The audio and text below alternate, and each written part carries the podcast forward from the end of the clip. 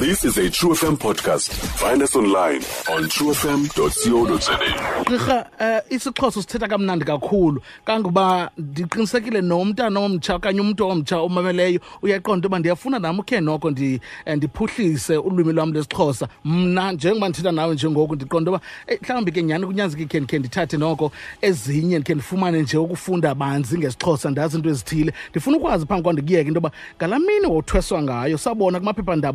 eqongeni iimpahla zakho zobugqirha um ngumama ekhaya. Yayinantsingiselo ni lo mbono sasubona?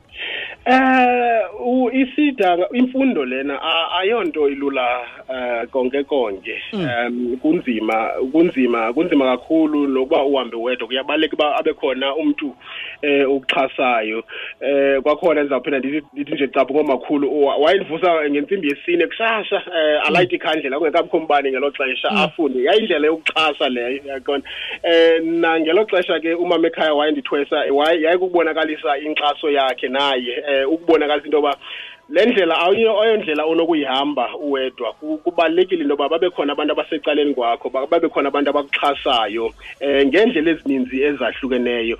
So lowo yayingumqondiso nje woku- woku- wokuthi nakuye enkosi um naye abesithi naye ebekhona eh kule ndlela bendingayihambi ndedwa yaqonda Mm, mm. Eh, gqirha phambi koba ndikuyeke um bekho kwakho iintetho ezininzi zayike into yoba kubalulekile into yoba abantwana basuka um esinaleni xa bebheka abantwana basuka esinaleni xa bebheka edyunivesithi babe kanti bafundiswa ngolwimi lwenkobe. Ndifuna uyazi namhlanje into yoba njengomntu ke othe wabhala um uphando lwakhe ngesixhosa kubaluleke ngakanani xa ujonga um iidyunivesithi zasemzantsi afrika kubaluleke ngakanani into yoba abantwana babe kanti bafundiswa ngolwimi lwabo kwiidyunivesithi abafunda kuzo Oh, uh, ah, kakhulu kakhulu kakhulu. Sisenengxaki yento yokuba ukuze utye apha esiswini kufuneke uze ube nalo ulwimi lwesingesi njalo. njalo um kodwa ke loo nto leyo iphele siphulukana nobuthina obu um siphulukana nenkcubeko yethu njalo njalo.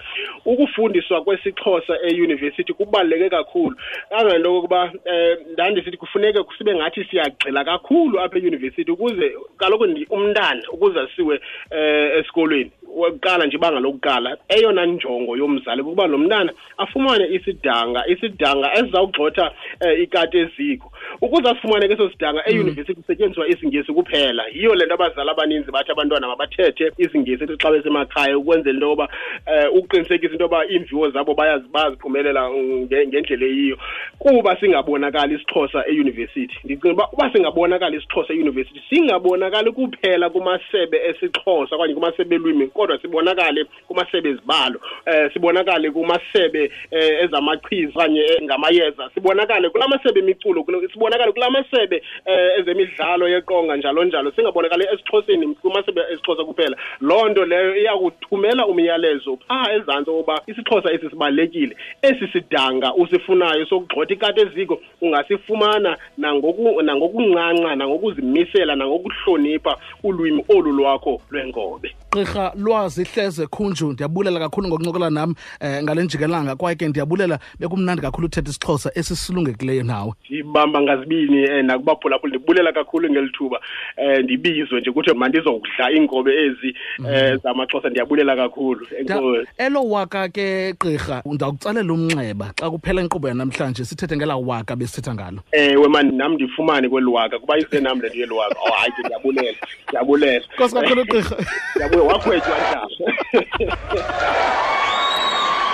bendicokola naye ugqirha lwazi hleze khunju owabhala um izibhalo zakhe ke ebhala kwidyunivesithi yasemakhanda um wabhala ngesixhosa. Nguye ke bendicokola naye namhlanje. Uyakhumbula ke kule yure ubusanongena into yokuba ndinyanzelekile uba ndithethe isixhosa kwaye ke ndawuthi ndibhatale um amashumi erandi amahlanu um uba ndawube ndithethe i- igama lesingesi. Nje imizuzu iyi iyi i-22 no! Phambi kwakubethe intsimbi yesibini ndisena umculo endiza kudlalela wona osuka kucharacter um ukhuphe ingoma entsha ehamba ne-q twins kwaye ke nontencane ithi ngiyesaba ukhona udj fresh naye ke umlindo the vocalist. Um basibaleka evenkileni xa sibuya sizawube kanti ke sithatha iminxeba uh, for abanye abantu ab- abazawupleja um batsho into yoba bona bazawuthi babhatale malini. Um nawe ke mphulaphula ungandifowunela utsho into yoba ndizahamba kakuhle ndiza kuphetha kakuhle ngesixhosa seyure. Ibizwa ngoba isixhosa challenge. Abongile yinto engxaki Ah, isixhosa vavanyo? Or uvavanyo lwesixhosa. Okay ndisekuyo le nto leyo uvavanyo lwesixhosa. Um ndisame kwi-hundred rand ndiza kakuhle Yo, ishumi nambini imizuzu phambi kwabethu intsimbi yesibini True FM like no one else ndiyawuthatha ke unxeba ku uh, i-numbers andinozibiza ngesilungu muso ndithi uqanda nosibhozo nosithandathu tsala unxeba noqanda no nesithathu nesihlanu eh no nesibini nesibini no no nanye nosibini. Ah inamba ibizwa ngesilungu 0860352212 20 shumi nambini phambi kwabetha intsimbi yesibini um mandamkele emnxebeni untswakhi intswakhi Molo msasazi wam. molo mama kunjani Siphilile mpunzelela akho nto mpunzisika. ndiyawulela ndiyabulela mama usandibizi kamnandi ungena kule koluvavanyo lwam lesixhosa namhlanje Kunjalo kanye msasazi.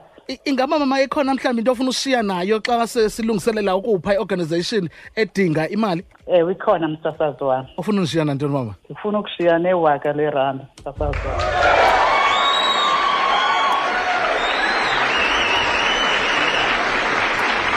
Yho. ndingumntu ke ndingumntu noko nyembezana inyembezi ziyakhawuleza ukwehla ndiyabulela kakhulu mama ndiyabulela Hayi msasazi ungakhali. Isengamaqalela lana siyeza. ndiyabulela inkosi kakhulu mama yho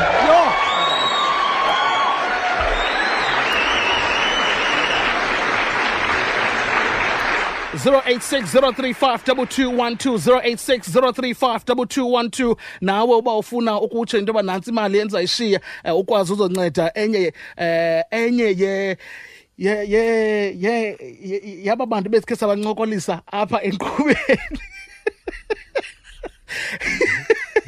enye yemibutho ebesikhe sathetha nayo apha enkqubeni um uthi ukwazi ukuyipha loo mali unoyipha yona akubalekanga ithi ibe liwaka akunyazekanga uba ibe likhulu um akunyazanga uba izizigidi um zeerandi. Leyo nto nothi usinike yona sayibulela kakhulu. Um xa imizuzu ilishumi elinesibhozo masibaleke engomeni xa sibuya zawuthatha ke umnxeba ku-086 035 2212 sheke imizuzu elishumi elinane phambi kwakubethe intsimbi yesibini true fm like no one else. Kamalani kuboys mpunzi ndikuvavanyo lwesixhosa ndilindele ukuba ndithetha isixhosa iyure yonke. Baninzi kabantu abantu ababeka etafuleni imali abathi banoyikhupha namhlanje eh, abanye basemnxebeni abanye bayafika estudio.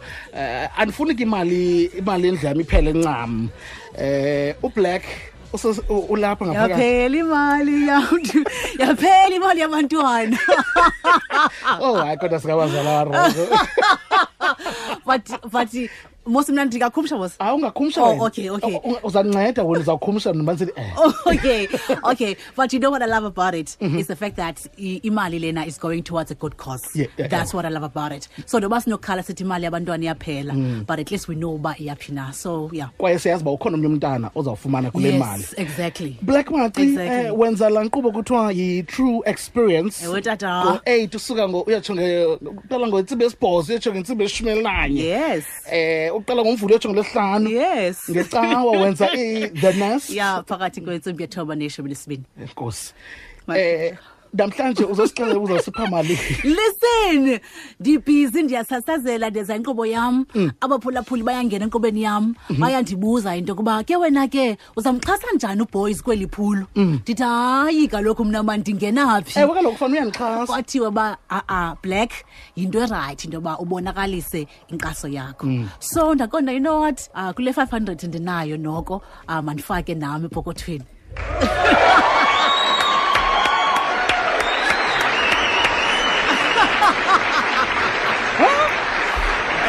time noko ingxami ngathi kha ngenifake isandla Eh amakhulu amahlanu.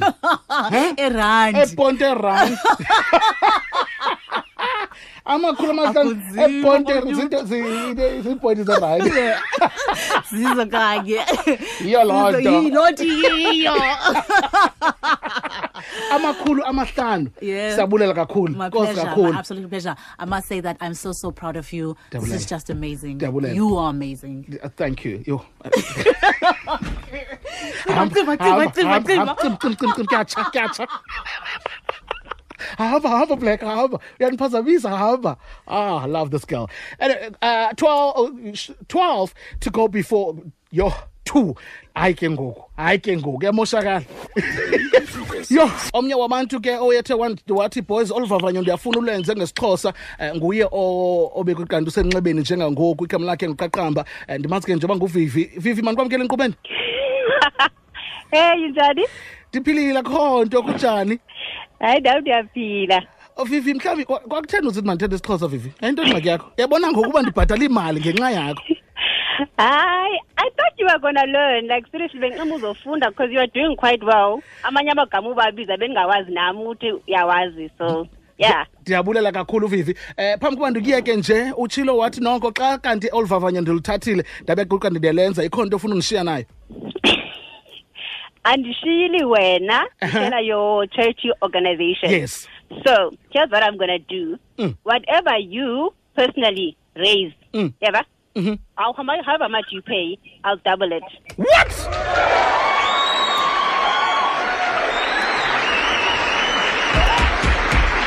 yo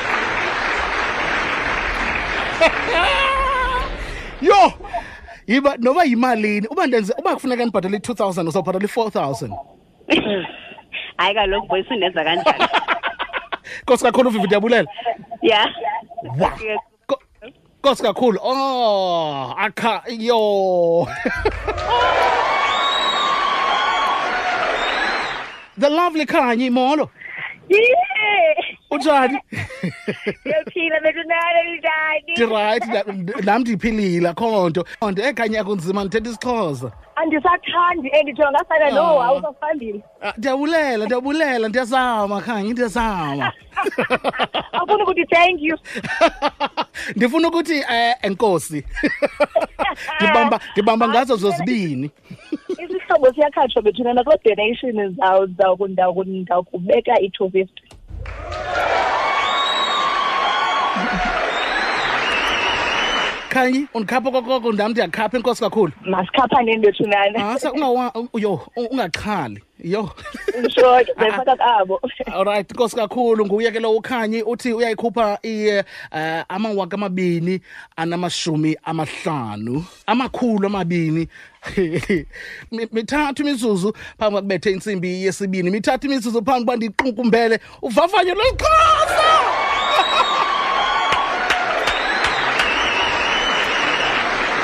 mamela namhlanje ndizawulala ndincumile ndiyazingca ngoba ngumxhosa nothetha isixhosa namhlanje.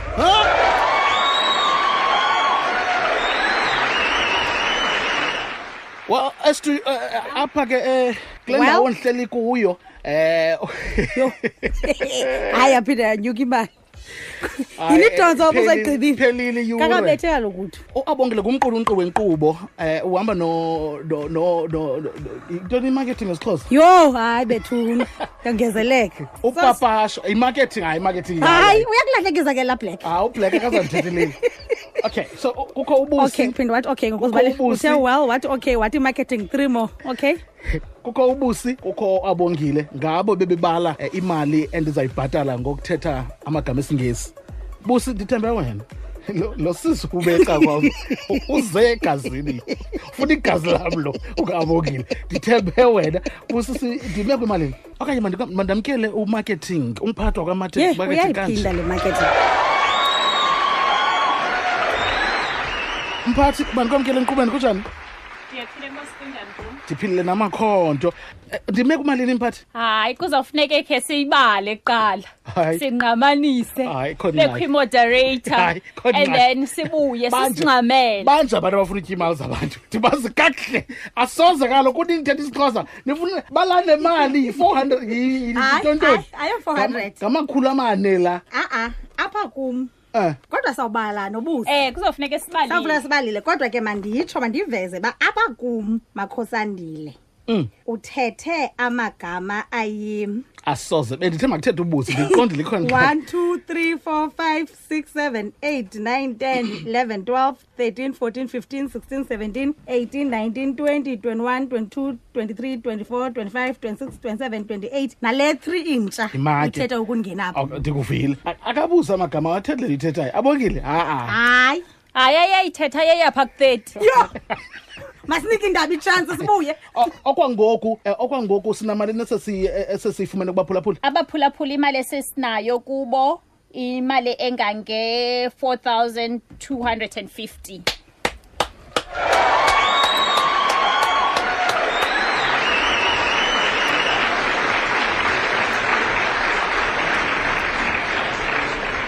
It's after two. I can speak call English. Oh my goodness.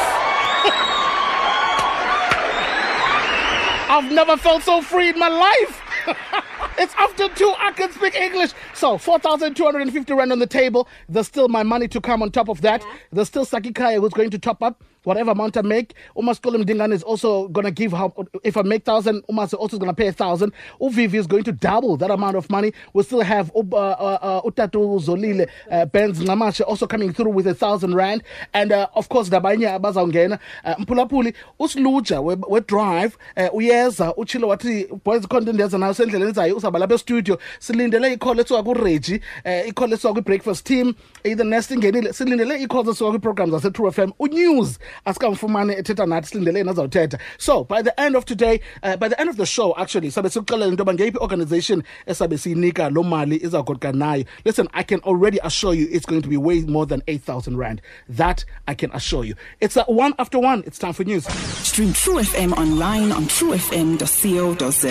sikho yonke indawo ngalo lonke ixesha like no one else